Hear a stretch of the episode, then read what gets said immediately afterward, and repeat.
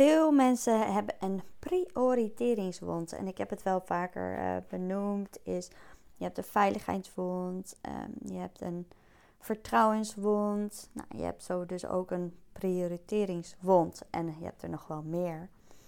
En deze wonden willen je wat duidelijk maken. En dit heeft alles te maken is dat jij jezelf niet op de eerste plek hebt gevoeld. En dat, die doet pijn.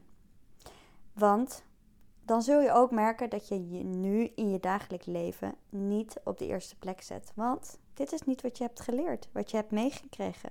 Dit is niet wat je, wat je voelt, wat je verdient. En daardoor is het zo lastig om grenzen aan te geven. Om te voelen wat je nodig hebt, om te kiezen voor jezelf zonder schuldgevoel. En daardoor kan je makkelijk op je tenen lopen, bezig zijn altijd met de ander, heel zorgzaam en overwerken. Hmm, met iedereen bezig zijn om je heen, behalve jezelf. En het kan ook wel frustreren, is dat je er soms boos op wordt naar je partner, is dat jij altijd klaar staat en dat hij er nooit is, of te laat thuis komt, of uh, zijn verantwoordelijkheden niet neemt. Weet je, het kan heel veel voor heel veel frictie zorgen in een relatie of conflicten met collega's of disconnectie met jou en de wereld om je heen, waardoor je heel erg alleen voelt en het gevoel hebt er niet toe te doen om belangrijk te zijn.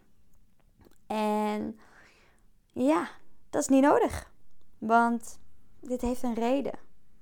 En als je dit hield, dit stuk, als je aan dit stuk werkt, dan zul je dus uh, ja, je prioriteringsfonds genezen.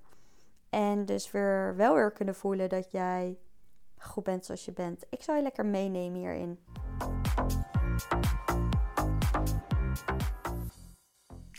Om daar ook maar meteen mee te beginnen. Jij bent namelijk goed zoals je bent zonder daar hard voor te moeten werken, voor iedereen klaar te moeten staan, voor anderen te moeten zorgen, aan je aan te passen aan iedereen of jezelf weg te cijferen. Zonder dat je allerlei dingen doet. Of dat je precies de dingen doet zoals jij denkt dat de ander wil dat jij het doet. Dan, als je dat allemaal niet doet, ben jij nog steeds goed genoeg. En doe jij er nog steeds toe. En ben je nog steeds belangrijk. Dus wat maakt dan nu, hè, is dat je hier vast blijft zitten Hè, want misschien herken je het nu wel en denk je, ja, oké, ja, hier herken ik me in. En nu dan? En nu dan? Vertel me dan. en voordat ik je ga vertellen, dat ga vertellen, wil ik even wat voorbeelden meegeven. Want uh, zo heb ik ook een klant.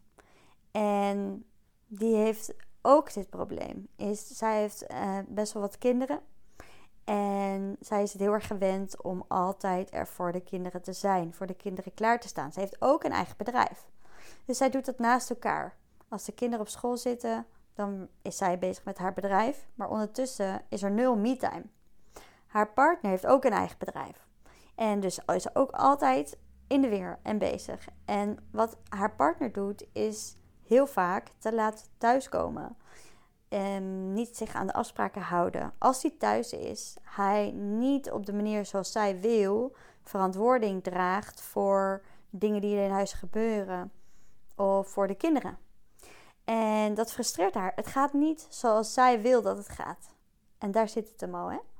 Zij wil voelen is dat hij haar op één zet.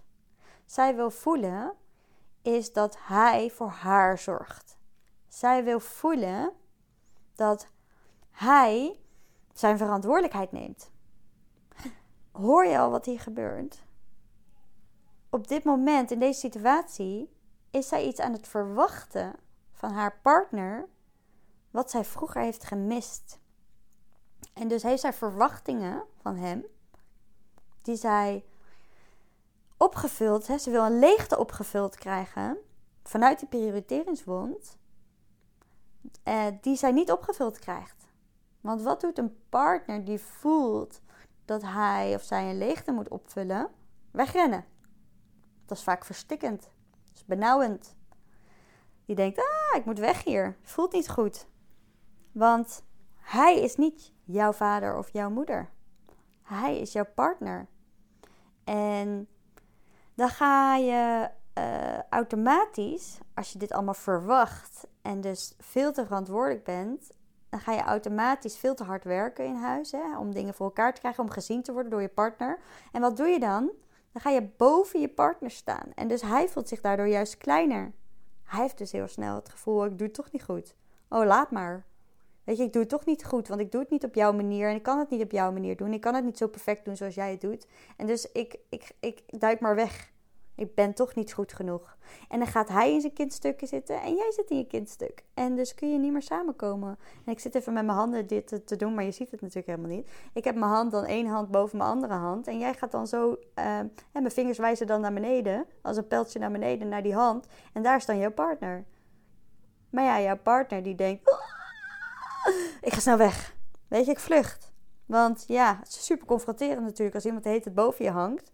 En jij het toch niet goed kan doen omdat zij, of hij, kan ook andersom zijn natuurlijk, is dus um, te, veel te veel druk legt op de ander. Terwijl het enige wat jij waarschijnlijk dan wilt, hè, als je die prioriteringswond hebt, is gezien worden.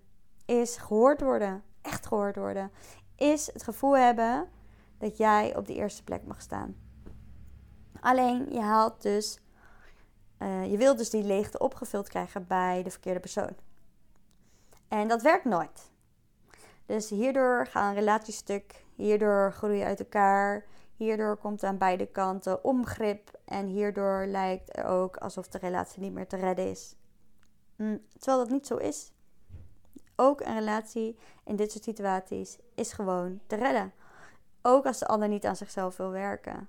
Jij kan wel aan jezelf werken en uiteindelijk is het natuurlijk de bedoeling dat je partner ook weer hè, gaat voelen. Uh, en gaat zien bij jou, oké, jij verandert dingen en daardoor ontstaat er bij jou, ga je mij anders benaderen en dus daarom ga ik je ook nu anders benaderen. Want dat is vaak wat er gebeurt, hè. Je gaat anders enorm tegen elkaar inchasen. Um, een vriendin van mij die is relatietherapeut en zij zegt dan altijd, mm, je hebt een uh, gorilla in een relatie of een egel. En uh, misschien heb je wel nog meer dieren hoor, maar en wat ik veel zie is dan, nou, zij is in dit geval hè, in rondom die prioriteren. Als je die prioriteringsrond hebt, uh, eh, 9 van de 10 mensen gaan dan, oh, je kan, kan je ook enorm terugtrekken, hè, maar gaan dan die gorilla zijn. Dus die gaan de hele bovenop zitten en de hele tijd zeggen wat ze willen en wat ze maar niet hebben en niet krijgen. En hoe uh, kut het allemaal is, dat die ook er te laat komt. En nou, ik herken het, hè. Ik heb uh, voorheen, kon ik ook zo zijn. En denk aan. Zes jaar terug zoiets. En, uh, maar wat die, die man dan doet, of hè, in dit geval een man, maar het kan ook een vrouw zijn. Uh, die, die gaat dan een, bijvoorbeeld een egel zijn en die denkt, oh, ik ga weg. Die zet zijn, zijn punten op, zijn, uh, hoe noem je dat, zijn spikes. Dit heeft de egel, je weet wel. En, dan, en die rent weg, weet je wel. Zo van, die gaat zich verschuilen. En die gaat zich ook beschermen natuurlijk, dus die wordt boos. Waarschijnlijk, meestal worden, worden die mannen boos, hè. Van, omdat ze woedend kunnen ze zelfs worden hierom. Uh, of ze trekken zich helemaal terug en, en worden stil en onzeker en uh, blijven nog langer weg van huis. Want uiteindelijk, ja, is dat waar je, ja, wat je aantrekt dan, hè? Is dat ze eigenlijk ook echt niet bij je willen zijn. En je ook echt het gevoel geven onbelangrijk te zijn. Je trekt het zelf aan.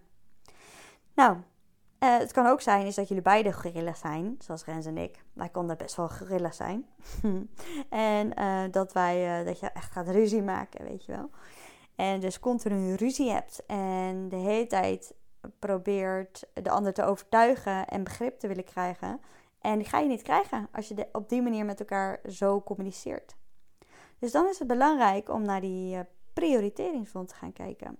Mm.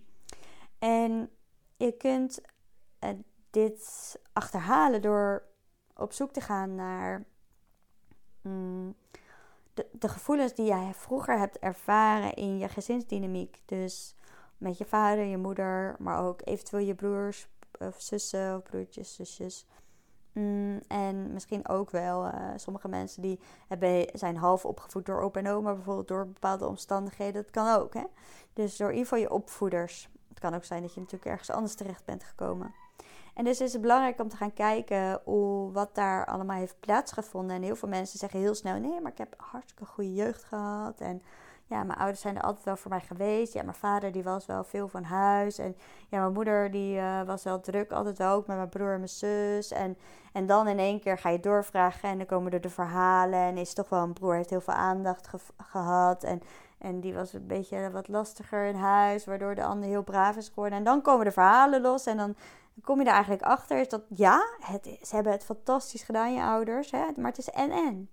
Dus ja, je ouders die hebben het fantastisch gedaan. En jij hebt ook van alles ervaren en gevoeld. Dus als je het gevoel hebt hierin nu al, ja, maar mijn ouders die hebben het echt, uh, bij mij is dat niet zo geweest. Ja, dan ben je je ouders aan beschermen. Want iedereen heeft vroeger allerlei emoties gevoeld die ze niet konden uiten omdat onze ouders nu eenmaal niet deze skills hebben. En dus heel veel overtuigingen leven rondom voelen. Waardoor deze generatie waar wij nu in leven steeds sneller burn-out en depressies krijgen. En waardoor deze nieuwe generatie die nu, door, hè, die nu verder gaat, dat nog eerder krijgen. En als wij hier niks aan doen, onze kinderen dat nog eerder gaan krijgen. En dit is wetenschappelijk allemaal, hè, dat het allemaal steeds eerder emotionele problemen er zijn en ontstaan. Waarom? Omdat die rustig veel te zwaar worden voor al die mensen, al die, uh, die kinderen, die, al die generaties, al die shit met zich meedragen, waar wij zelf geen verantwoordelijkheid voor nemen.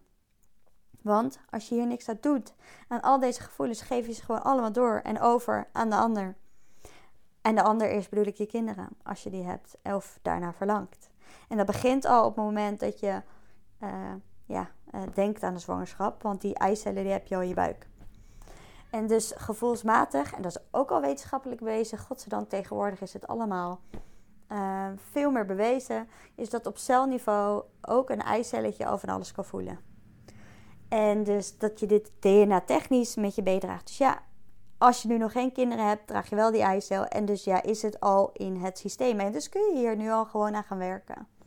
Hoeft niet, uiteraard. Maar als je, dat is ook de reden dat ik dit ben gaan doen allemaal. Is omdat ik zag welke patronen er op een gegeven moment in mijn systeem zaten.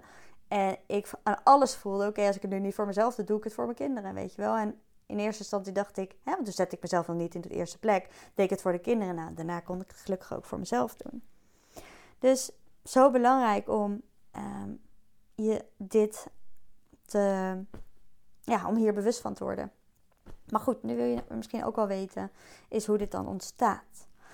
Dus weten uh, hoe jij hebt geleefd vroeger is één ding. Zonder het te bagatelliseren of te rationaliseren. Maar echt, echt voelen hoe jij het hebt geïnterpreteerd vroeger. Want daar gaat het om. Kijk, als jouw ouders vroeger heel opmerkzaam waren. En opmerkzaam zijn is dat zij zien als je thuis komt dat je een rottig hebt gehad. En dat ze dan even met jou gaan zitten aan tafel. Als je daar behoefte aan hebt. En dan even te zeggen, lieverd, ik wil jou even naar je luisteren.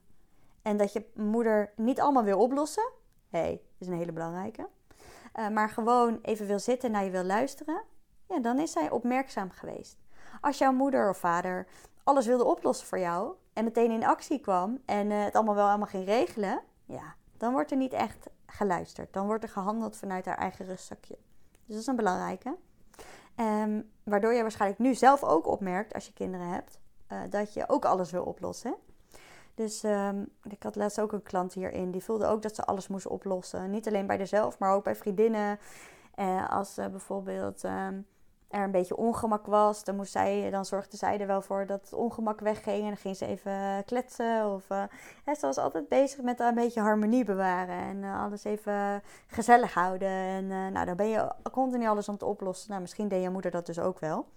En dan zullen we dat uh, hebben overgenomen. Dan is het belangrijk dat je dat dan weer terug kunt geven. Maar goed, dat is weer een ander verhaal. En uh, prioriteringswond uh, kan ook ontstaan omdat je ouders niet nieuwsgierig zijn en dus niet doorvragen. Dus je ouders kan dan, hè, soms is het heel fijn om opmerkzaam te zijn, te luisteren. En vanuit daar echt luisteren, luisteren is dus niet het willen oplossen, maar gewoon doorvragen. Dus oké, op school ja, was er rekenen en dat was lastig. Oh, ja, dat was lastig. Oké, en, en wat vond je dan lastig? Nou, dit en dit en dit. Oké, en hoe was dat voor je? Nou, uh, word ik dus heel boos van, is dat het me niet lukt. Oh, oké. Nou, en, uh, hoe, hoe, en hoe voelt het dan dat het, dat het niet lukt? Ja, heb ik al gezegd, hè? Ja, frustrerend. En ja, wat zou je ermee willen? Ja, ik verzin nu even allemaal zo out of the blue. ik weet even niet, niet een hele goede, goed voorbeeld, maar goed. Je snapt wat ik bedoel. wat zou je ermee willen? Nou, misschien moet ik het aangeven bij de juf. Oh, oké. Nou, hoe zou je dat kunnen doen? Nou, ik zou wel even naar de juf kunnen lopen morgen en dan kunnen zeggen dat ik die en die som. Maar ik merk eigenlijk, ja, precies. En, maar, en, dan, maar, en dan komt ze misschien zelf of hij al met, maar ik vind eigenlijk, ik schaam me ervoor, mama, is dat ik dit niet kan. Bijvoorbeeld, ik zeg maar wat, hè. En dat je dan weer zo um, compassievol naar haar kan kijken. En dan kan meevoelen van, ah oh, ja, ik snap het wel dat je je schaamt. En niet zo van, nee joh, je hoeft je niet te schamen. Maar ja, ik snap het wel. Ik snap het, ja, wat vervelend. En dat je dus bij die persoon kan blijven. Ja, het is een beetje nu misschien een uh, te vaag voorbeeld, misschien niet. Maar eh, omdat ik hem nu zo uit of blue bedenk. Maar dus dat is ook, nieuwsgierigheid is dus ook dus het doorvragen en niet per se het willen oplossen, maar de ander, het kind, dus laten nadenken. En ja, dit is eigenlijk ook hoe wij onze kinderen mm, begeleiden, wil ik het altijd maar liever zeggen, want het is geen opvoeden. Ik geloof niet dat kinderen opgevoed hoeven te worden. Ik geloof alleen dat je ze mag supporten, eh, omdat ze eigenlijk heel goed weten wat ze nodig hebben. Nou hebben wij onze oudste die, ja, communicatie is zijn ehm, grootste uitdaging in het leven. En dat is dan uh, uh, of althans, dat is niet helemaal waar. Want hij kan heel goed praten en hij kan heel goed dingen aangeven. Maar hij doet het gewoon op zijn manier. En iedereen heeft zo zijn eigen uitdagingen. En de jongste heeft dat overigens ook. Zij zijn allebei vissen. En dat schijnt dus dan zo, is human design technisch, is dat communicatie. ja, dat het een uitdaging is voor hen. En dat is ook wel grappig dat ze bij ons zijn terechtgekomen, Rens en mij. Gezien onze communicatie, wij ehm, ja, hier best wel weer goed in zijn. Maar dus ook kan heel irritant zijn voor Jent. Is dat ik, soms zegt hij ook echt letterlijk tegen mij: Mam, je praat te veel. En dus ik moet bij hem vooral opmerkzaam blijven. En aanwezig zijn. En juist niet te nieuwsgierig. Want ik ben veel te nieuwsgierig bij hem. Waardoor hij zich overroeld voelt door. Dus ja, ook hierin is weer, hè, elk kind is anders. Dus ik zeg niet dat dit uh, hetgene is wat jij hebt moeten krijgen. Of, hè, want misschien past dat helemaal niet bij jou. Maar het gaat een beetje om dat je een beeld krijgt. Nou, en dan natuurlijk heeft een ouder ook zorgzaam moeten zijn. En dit heb je dan moeten krijgen, niet alleen van je moeder, maar ook je vader. Want ja, je wilt van beide ehm, het gevoel krijgen dat je belangrijk bent en dat je ertoe doet. Dus het kan ook wel zijn dat je moeder dit deed, of deels, maar dat je vader uh, geregeld zei dat je je mond moest houden als hij voetbal aan het kijken was. Of dat je moeder zei: Oh, papa komt zo thuis. Dus uh, kun je even uh, even doen met je vriendje als papa zo is, want papa is moe. Omdat mama papa wilde beschermen, bijvoorbeeld. En dus dan leer je indirect alweer zorgen voor papa. En of um, dat jij, uh, nou vroeger hadden we nog geen telefoontjes, maar dit is tegenwoordig natuurlijk wel een probleem. Ik weet zeker dat heel veel kinderen hier later last van gaan krijgen. Is uh, dat um, jouw kinderen bijvoorbeeld nu iets aan je vragen, maar dat jij zegt: Ik zit nog even, hè, dat je op je telefoon bezig bent. En dat je geïrriteerd raakt omdat je bijvoorbeeld iets niet af kan maken. Maar niet duidelijk aangeeft bij het kind, is dat je zo op een, bij hem terugkomt. En dus dan bijvoorbeeld snauwt of reageert van: Nou, laat me even met rust, ik uh, moet dit even doen. Weet je wel? En dan heeft een kind heel snel het gevoel van: Wow, oké, mag ik dit dan niet vragen? En hoe vaker een kind die afwijzing heeft gevoeld, want het kind voelt zich gewoon afgewezen op het moment dat, dat je vader vroeg zei: Doe eens even stil, ik ben voetbal kijken. Dan op een gegeven moment gaat het gewoon ook het niet meer vragen. Op een gegeven moment gaat het altijd papa met rust laten. En ja, gaat het dus geloven, ik eh, sta op die tweede plek. En wat ga je dan doen? Je gaat aandacht zoeken of hè, je gaat dit uh, opgevuld willen krijgen door je partner. Want hè, zeker als jij vrouw bent, maar het maakt ook niet uit, je kan ook man zijn. Um, het kan ook andersom, maar wat ik veel zie, is dat veel vrouwen um, heel veel spiegels krijgen van de vader. En als je die hebt doorbroken, doorbroken komen de spiegels van de moeder.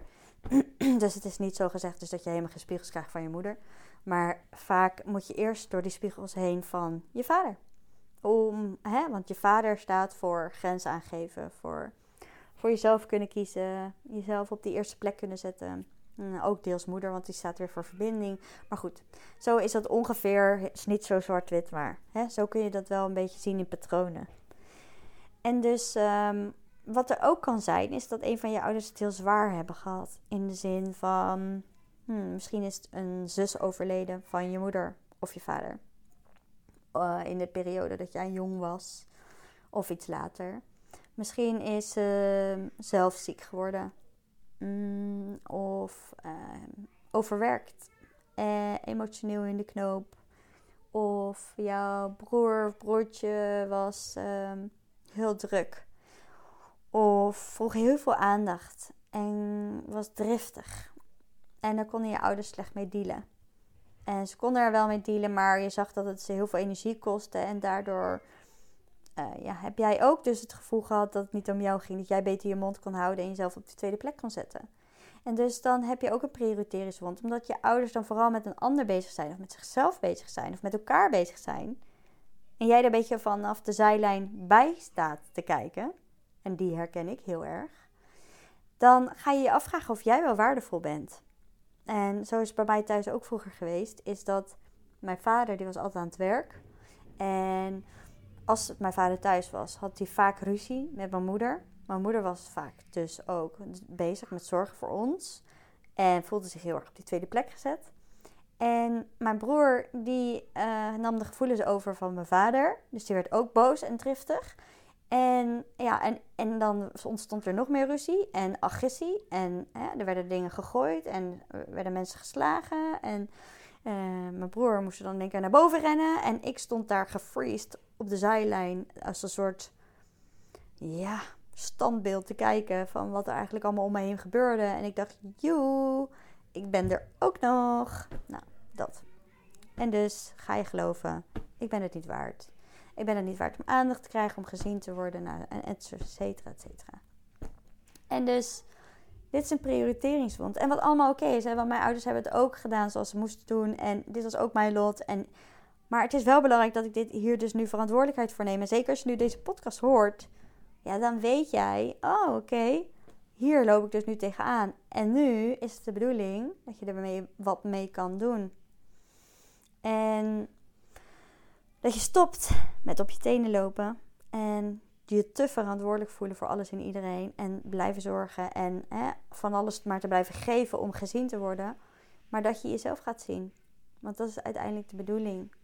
Want jij bent het waard om gezien te worden. En dat weer gaan voelen. Weet je, rationeel weten heb je geen reet aan. Je moet het voelen. Diep in je hart moet je voelen, ik ben het waard. En dan kun jij weer je hart openen voor jezelf en naar de ander. En dan pas kun jij gezien worden en kan de ander jou zien. En dan zul je een hele andere connectie voelen met jezelf en de ander. En dus wordt het makkelijk om te voelen wat je nodig hebt. Kun je kiezen voor jezelf zonder schuldgevoel. En grenzen aangeven. Rust voelen in jezelf. Maar het allerbelangrijkste nog, in mijn ogen, is herinneringen maken, plezier. Uh, het leuke hebben in het leven. En je mooiste leven gaan leven. En, en, je passie gaan volgen. En dingen gaan doen die je leuk vindt. En die, waar je energie van krijgt. En et cetera. We kunnen ons zo makkelijk wegcijferen en wegzetten. Terwijl dat helemaal niet de bedoeling is. Daarvoor hebben we dit leven niet gekregen. Dus mocht je nou voelen: oké, ik heb deze prioriteringswond en nou ja, Jolene die, die zegt zulke dingen, die slaat de spijker op zijn kop, zo zeg je dat geloof ik. En dan, hé, en het voelt goed. Dan kan je mij altijd even benaderen voor een vrijblijvend gesprek op www.lien-voor.nl. En of je stuurt me even een beetje op Insta, dat mag ook. En nou, voel je dat niet bij mij, is natuurlijk ook oké. Kijk om je heen. Mm, helaas weet niet iedereen hier wat van af. Ik vind echt dat qua deze kennis, is te weinig mensen hebben de juiste kennis. Ik haal mijn kennis uit Amerika en Nederland lopen we gewoon achter. Hopelijk gaat dat steeds meer stap voor stap hè, verandering inkomen. Zodat ook hè, gewoon deze kennis uitgebreid kan worden en iedereen hierin geholpen kan worden. Nu is het wel ook belangrijk om echt met het onder de bus te gaan werken, want rationeel dingen begrijpen is allemaal mooi en leuk. Alleen daarmee ga je dingen niet shiften op gevoelsniveau. En dus je mag dingen doorvoelen, doorleven. En vanuit daar weer voelen, nou ja, dat jij er mag zijn, et cetera. En ertoe doet. En waardevol bent. En belangrijk. Oké. Sorry. Nou, ik. Um, wie weet ga ik je spreken. Uh, je mag ook altijd even een berichtje achterlaten op Instagram. Vind ik super duper duper duper duper leuk. Echt heel leuk. En, want dan weet ik ook wie er luisteren. Super waardevol. Want ik zit hier gewoon een beetje te praten in mijn microfoontje. En uh, nou, dat was hem. Doei!